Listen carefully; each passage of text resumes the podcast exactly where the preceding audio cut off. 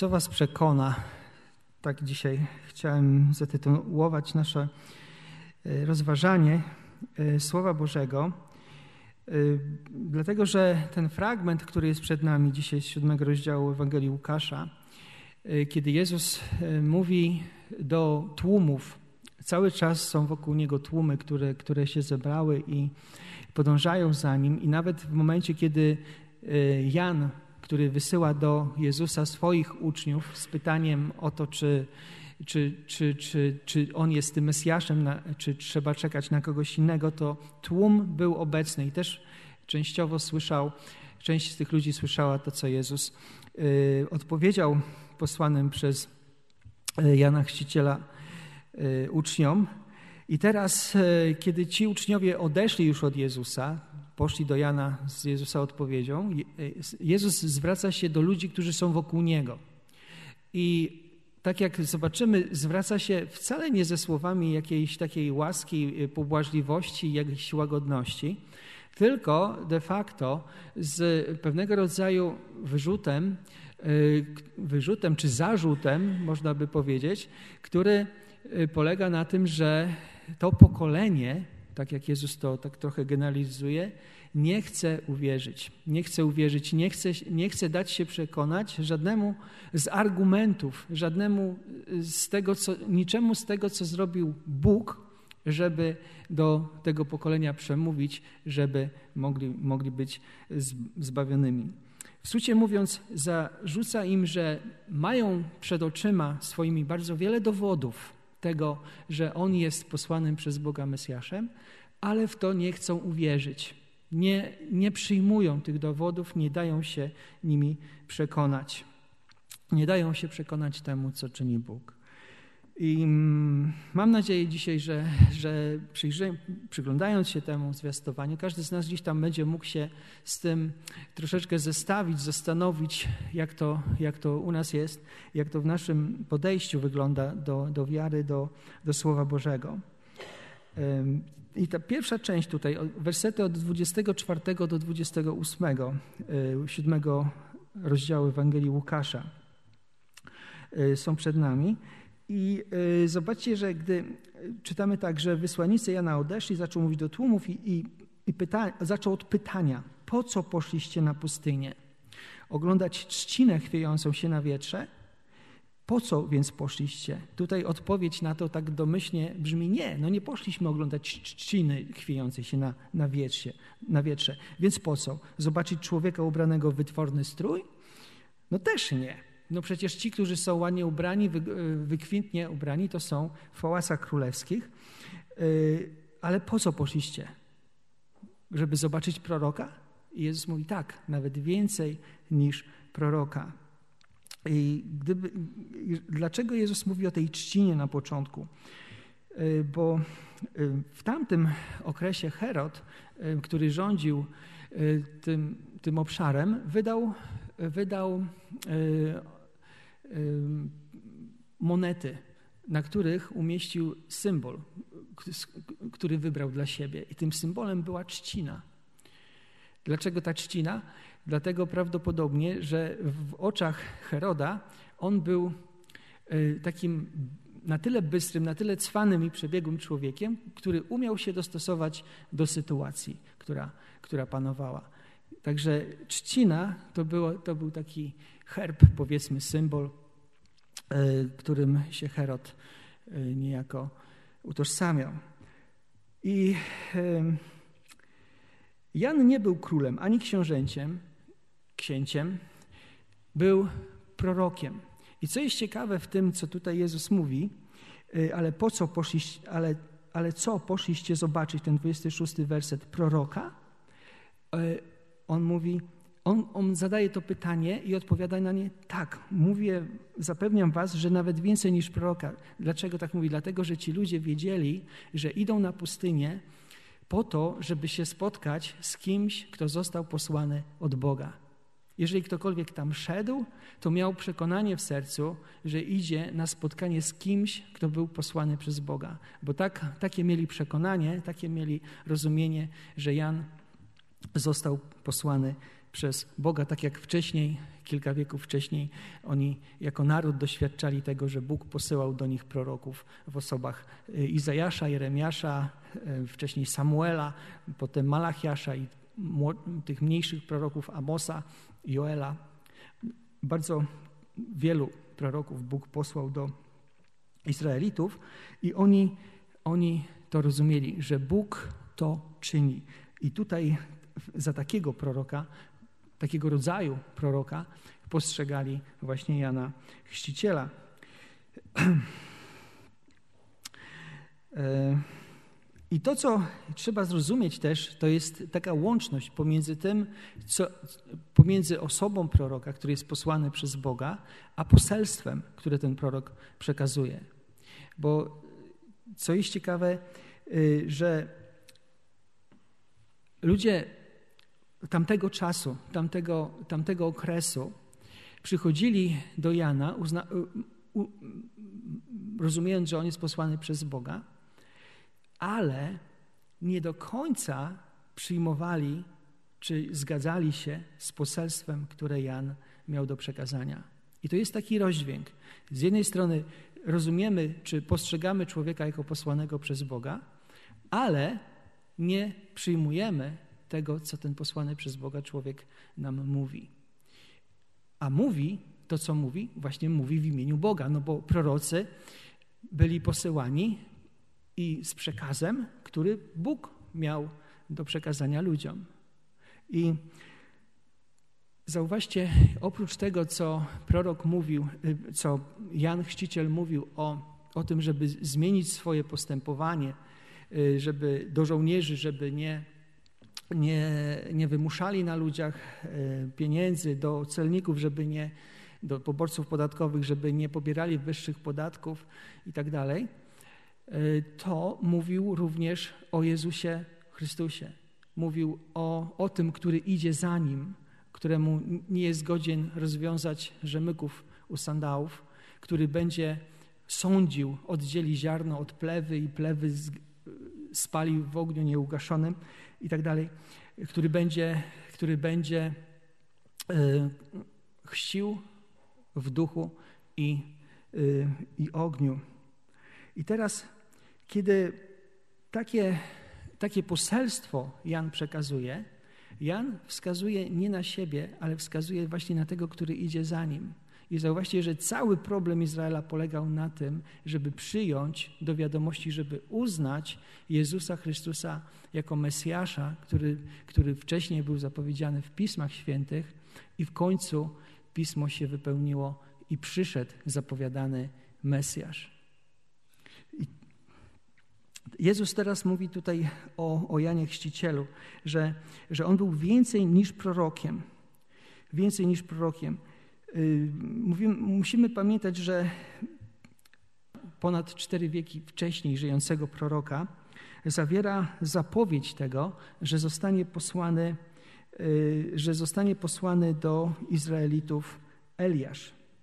Czytamy tam, y, czytamy tam tak. Oto ja poślę wam proroka Eliasza, trzeci rozdział, 23 werset. Oto ja poślę wam proroka Eliasza przed nadejściem dnia Pana, wielkiego i strasznego. Taka propos dnia Pana, to być może właśnie dzień Pana jest wielki i straszny, dlatego że jest to dzień, w którym Pan umiera. Jest to dzień ukrzyżowania Pana, dlatego jest wielki i straszny. Ale jest ta zapowiedź y, w tej księdze, że poślę wam proroka Eliasza. I, i, I, czytaliśmy w księdze Mateusza, w Ewangelii Mateusza, słowa Jezusa, który mówi: Jeśli zaś chcecie to przyjąć, on jest Eliaszem, który miał przyjść. W Mateusza 11, 14. Czyli wypełniło się proroctwo o nadejściu Eliasza przed dniem Pana. I to było bardzo bardzo gdzieś tam wbudowane w, w historię Izraela i w ich rozumienie tego, co Bóg chce czynić. I tak się spodziewali, że któregoś razu Eliasz przyjdzie. No i Jezus identyfikuje e, Jana Chrzciciela jako, jako Eliasza. Możemy sobie zadać pytanie, dlaczego on jest największy z tych wszystkich, którzy się urodzili z kobiety. Dlaczego? Nie, przecież o Janie jest powiedziane, że nie uczynił żadnego cudu. Gdybyśmy mieli wskazać kogoś wielkiego, być może nasz wybór by spoczął na Mojżeszu. Prawda? Człowieka, na człowieku, który poszedł do faraona, który czynił wielkie cuda, plagi egipskie, to wszystko przeprowadził ten naród przez pustynię, przez morze i tak dalej. To wszystko działo się w obecności bardzo wielkiego Bożego działania i Mojżesz jest określany jako no, wielkim prorokiem, prawda? Ale to nie Mojżesz jest największy, ale Jan w oczach, w oczach Jezusa, czy w opinii Jezusa, Jan Chrzciciel jest tym, który, e, który jest największy z tych, którzy się narodzili z kobiet. I żeby, żeby to pojąć, dlaczego tak Jezus o nim mówi, e, nie należy tutaj szukać e, dokonań, czy jakby porównania na zasadzie dokonań ludzi i ich charakteru, tylko tylko należy spojrzeć na, na, na historię zbawienia z takiej, z takiej perspektywy historycznej, z takiego, z takiej powiedzmy roli, którą, którą Jan Chrzciciel miał w Bożym, w Bożym dziele odkupienia i zbawienia ludzi. W tym Bożym planie, który się stopniowo w historii rozwijał i teraz zauważcie, nigdy wcześniej do tej pory nie było, nie nadeszło Królestwo Boże ale w momencie, kiedy Jezus się pojawił w historii, zwiastował co? Zwiastował Królestwo Boże, które się przybliżyło. I, i teraz mamy, mamy taką e, perspektywę, że oto nadeszło Królestwo Boże w osobie Jezusa, bo Król tego Królestwa przyszedł do ludzi i ten Król zwiastuje to Królestwo i ci, którzy idą za Nim, gdzieś tam doświadczają potęgi tego królestwa, bo, bo, bo są e, uzdrawiani, bo są ludźmi, którzy, którzy właśnie widzą to, co Jezus czyni. Natomiast e, patrząc na, e, na Jana Chrzciciela, on tego nie widzi, bo jest uwięziony. On w tym gdzieś tam nie uczestniczy, dlatego że został właśnie w takiej kategorycznej sposób oddzielony od tej działalności, którą prowadzi Jezus. I to, co było Jana przywilejem, w czasie po prostu blednie, bo on, bo on jest uwięziony, oddzielony od tego wszystkiego, co się dzieje. A każdy z tych, którzy, którzy są przy Jezusie, ma ten przywilej bycia w Królestwie Bożym. Przywilej, który jest wielkim przywilejem Y, bycia w Królestwie Bożym. Bo to, co Jezus mówi, że o tym, że y, naj, najmniejszy w Królestwie Bożym jest większy niż, niż Jan Chrzciciel, gdzieś tam wskazuje na, na wielką wartość właśnie Królestwa Bożego. Wielką wartość Bożego Królestwa. E, czytamy teraz wersety od 29 do 30 e, w, w Ewangelii i tutaj znajduje się, znajduje się, gdyby tak powiedzieć, taki komentarz, który Łukasz zawiera. Komentarz dotyczący tego, co, co, co się działo, co się stało wtedy w Izraelu. Gdy gdy to usłyszał lud i celnicy, którzy przyjęli chrzest od Jana, uznali Boga za sprawiedliwego. Zauważcie, to nie są słowa Jezusa, tylko to jest taki komentarz, który Łukasz tutaj umieszcza pomiędzy wypowiedziami Jezusa. Natomiast faryzeusze i znawcy prawa odrzucili plan Boga, nie przyjmując chrztu od Jana.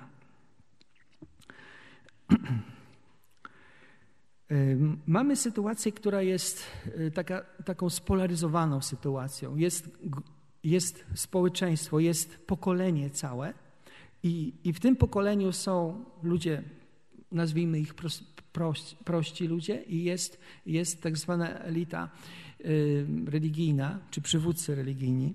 I tutaj, tutaj mamy e, w tym komentarzu Łukasza taką, taki obraz tego, że prosty lud przyjmuje świadectwo Jana Chrzciciela, natomiast przywódcy religijni, znawcy Pisma Świętego odrzucają, znawcy prawa odrzucają poselstwo Jan, e, Jana Chrzciciela.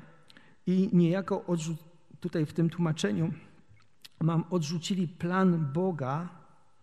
E, w greckim języku jest tam określenie w sobie, co niektóre tłumaczenia oddają jako odrzucili plan Boga dla siebie.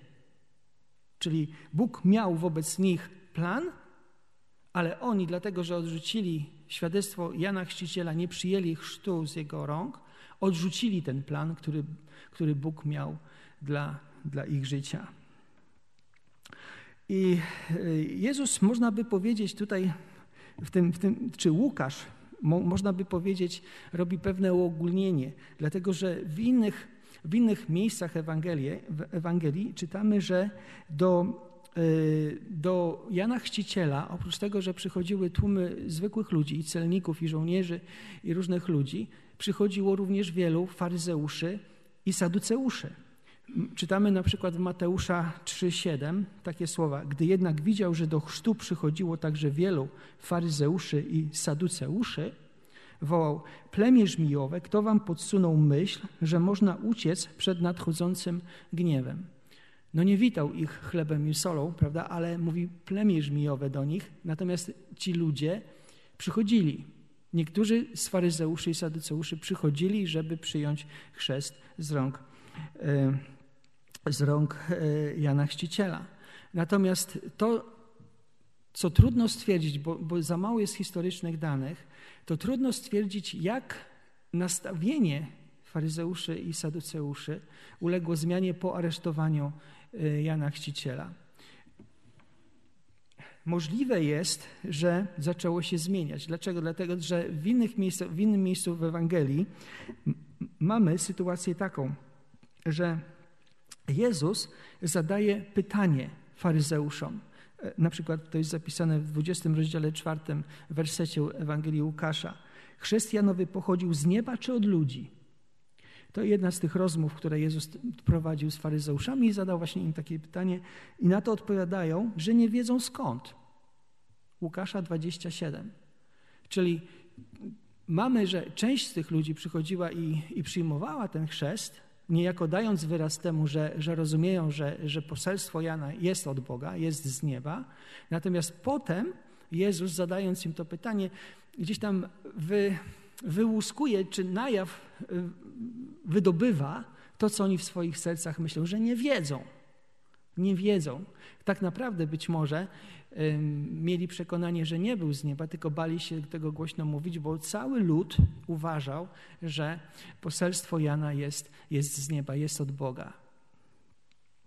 Dlatego więc y, y, y, nie tak odpowiedzieli, dlatego że jeżeli by odpowiedzieli, że, że z nieba, to Jezus by im zarzucił, dlaczego więc nie uwierzyliście mu. I zobaczcie, że sami faryzeusze rozumieli, że to byłby trafny zarzut pod ich adresem, że nie uwierzyli Janowi, chociaż on pochodził od Boga, a jego poselstwo właśnie z nieba przyszło od Boga do ludzi. Nie byli przekonani, że poselstwo Jana przychodzi od y, Boga, przychodzi z góry, przychodzi z nieba. Odrzucili postanowienie Boga względem siebie. I zobaczcie, że to jest E, to jest mm, reakcja, czy ten podział ten jest taki sam również w dzisiejszym naszym pokoleniu. Jest Ewangelia zwiastowana, jest pokazywane dzieło, którego Bóg dokonał w Jezusie Chrystusie i ludzie się dzielą tak samo na dwa. Jedni przyjmują, wierzą, tak jak ci celnicy i grzesznicy i różni prości ludzie uwierzyli Janowi, przyjmując chrzest, uznając jego poselstwo jako pochodzące z nieba, od Boga, a drudzy, słysząc to samo,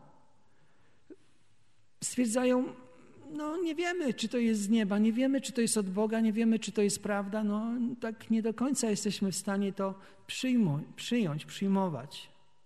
Zauważcie, że tak samo jest właśnie w naszym dzisiejszym społeczeństwie, tak samo było przez wieki. I tak samo będzie, aż dopóki Jezus powtórnie powróci. To samo poselstwo do grupy ludzi, część z nich przyjmuje, część z nich odrzuca. I e, e, odrzucili, bo w ich mniemaniu nie było to od Boga. No jest, jest ostatnia część tego, e, co Jezus tutaj mówi w tym, e, w tym fragmencie do tego tłumu, który, który jest przy nim. Wersety od 31 do, do 35. I właśnie adresuje tutaj, używając tego określenia obecne pokolenie. Tak jakby, tak jakby może troszeczkę właśnie obejmując tym, tym określeniem wszystkich ludzi, że, że mimo tego, że część z, część z ludzi przyjęła poselstwo Jana, to, to, to Jezus mówi tutaj, z kim więc porównam ludzi obecnego pokolenia? Do kogo są podobni? Może właśnie myślał o, w szczególności o, o tych faryzeuszach uczonych w piśmie, uczonych w prawie, a może myślał po prostu w szerszej perspektywie, bo, bo być może nie tylko faryzeusze i uczeni w prawie nie, przyjm, nie przyjmowali tego świadectwa. I mówi tak: Podobni są do dzieci siedzących na rynku, które przygadują swoim rówieśnikom: Przygrywaliśmy wam na flecie, nie chcieliście tańczyć, śpiewaliśmy pieśni żałobne, a nie zawodziliście. Przyszedł bowiem Jan Chrzciciel, nie jadł chleba i nie pił wina, a wy mówicie, demon go opętał. Przyszedł Syn Człowieczy, je i pije, a wy mówicie, ten człowiek to żarłok i pijak, przyjaciel celników i grzeszników. I tak wszystkie dzieci mądrości przyznały jej słuszność. Zobaczcie, jaka jest sytuacja. Jedna grupa dzieci siedzi, czy ten obraz, który Jezus tutaj używa, jedna grupa siedzi, dzieci, i mówi do drugiej grupy dzieci – Słuchajcie, graliśmy wam, nie chcieliście się bawić. Słucha, słuchajcie, śpiewaliśmy wam pie, pieśni żałobne, nie chcieliście narzekać. Nie chcieliście przyjąć tego, z czym do was przychodzimy.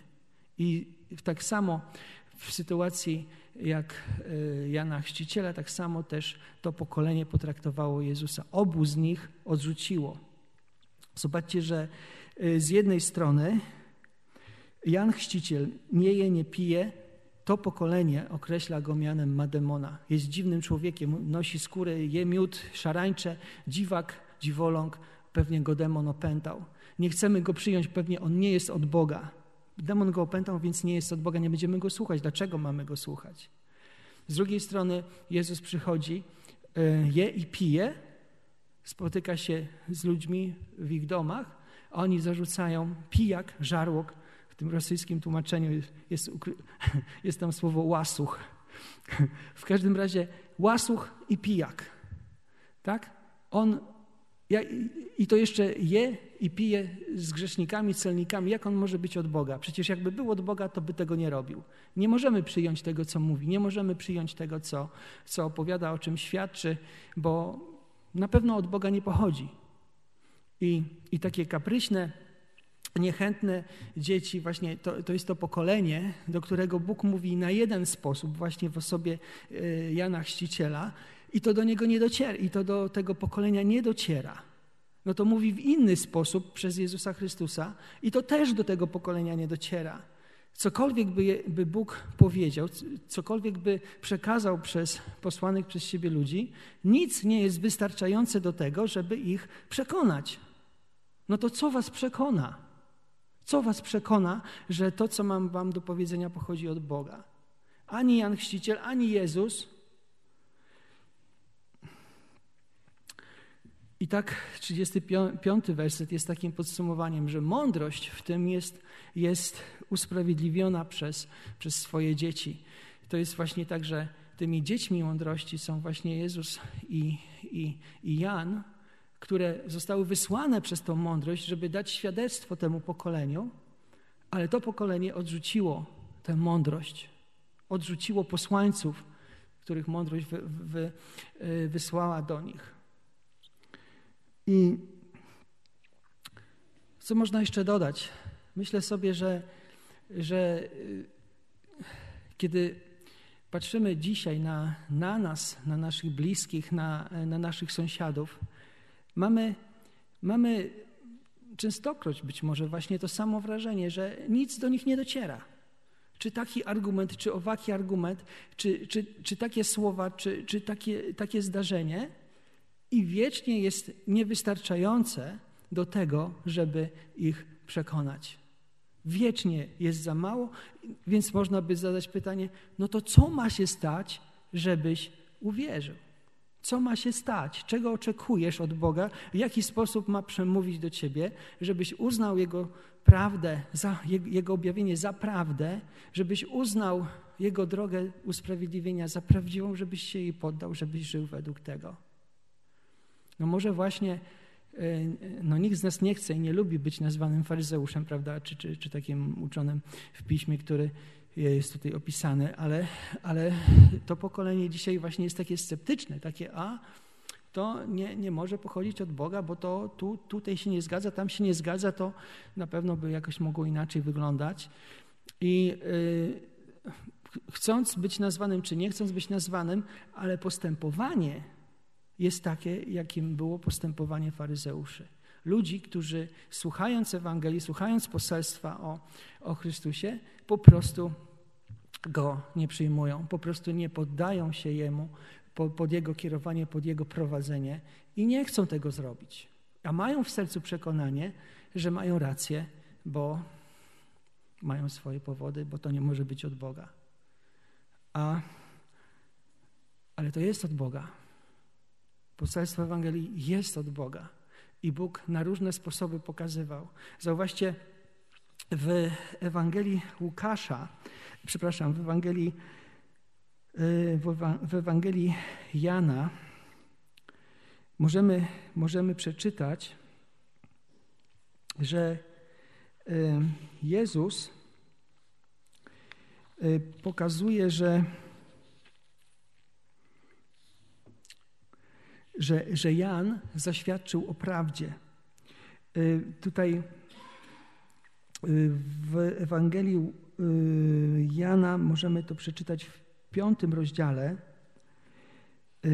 Przepraszam, tutaj gdzieś ktoś z Was ma piąty rozdział Ewangelii Jana przed sobą. To za chwilkę otworzę. Mam nadzieję, znajdę to. 35, 33 mm, werset w Ewangelii Jana. Posłaliście do Jana i zaświadczył o prawdzie. To, było, to, to, to jest zdanie Jezusa o Janie, że Jan zaświadczył o prawdzie. Ale co jeszcze więcej mówi Jezus tutaj, że on nie polega na świadectwie ludzkim, tak? Ja jednak nie opieram się na ludzkim świadectwie, ale mówię, abyście byli zbawieni. On był zapaloną i świecącą lampą, lecz wy tylko przez krótki czas chcieliście się radować Jego światłem.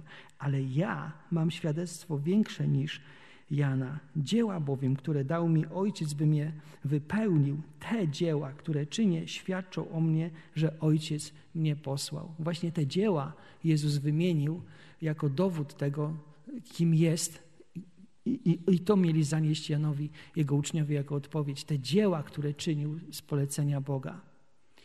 Zauważcie, świadectwo Jana było prawdziwe, dzieła, które czynił Jezus, były prawdziwe i to wszystko nie było w stanie przekonać faryzeuszów, nie było w stanie przekonać wielu z uczonych w piśmie. Jeżeli dzisiaj do tego pokolenia poselstwo Ewangelii jest zwiastowane i w tym pokoleniu, tutaj może być nawet na sali, są ludzie, którzy słysząc to, mówią sobie, no no niby prawda, ale tak nie do końca, no nie, nie poddać, no, mam wątpliwości. Może jeszcze nie teraz. To musimy gdzieś tam uczciwie, uczciwie sobie e, odpowiedzieć, że tego rodzaju postawę mieli właśnie ci ludzie, o których Jezus mówi, ci, ci faryzeusze, to pokolenie w tamtym czasie, które nie chciało Go przyjąć, nie chciało nie chciało zrozumieć, że On jest posłanym przez Boga Mesjaszem.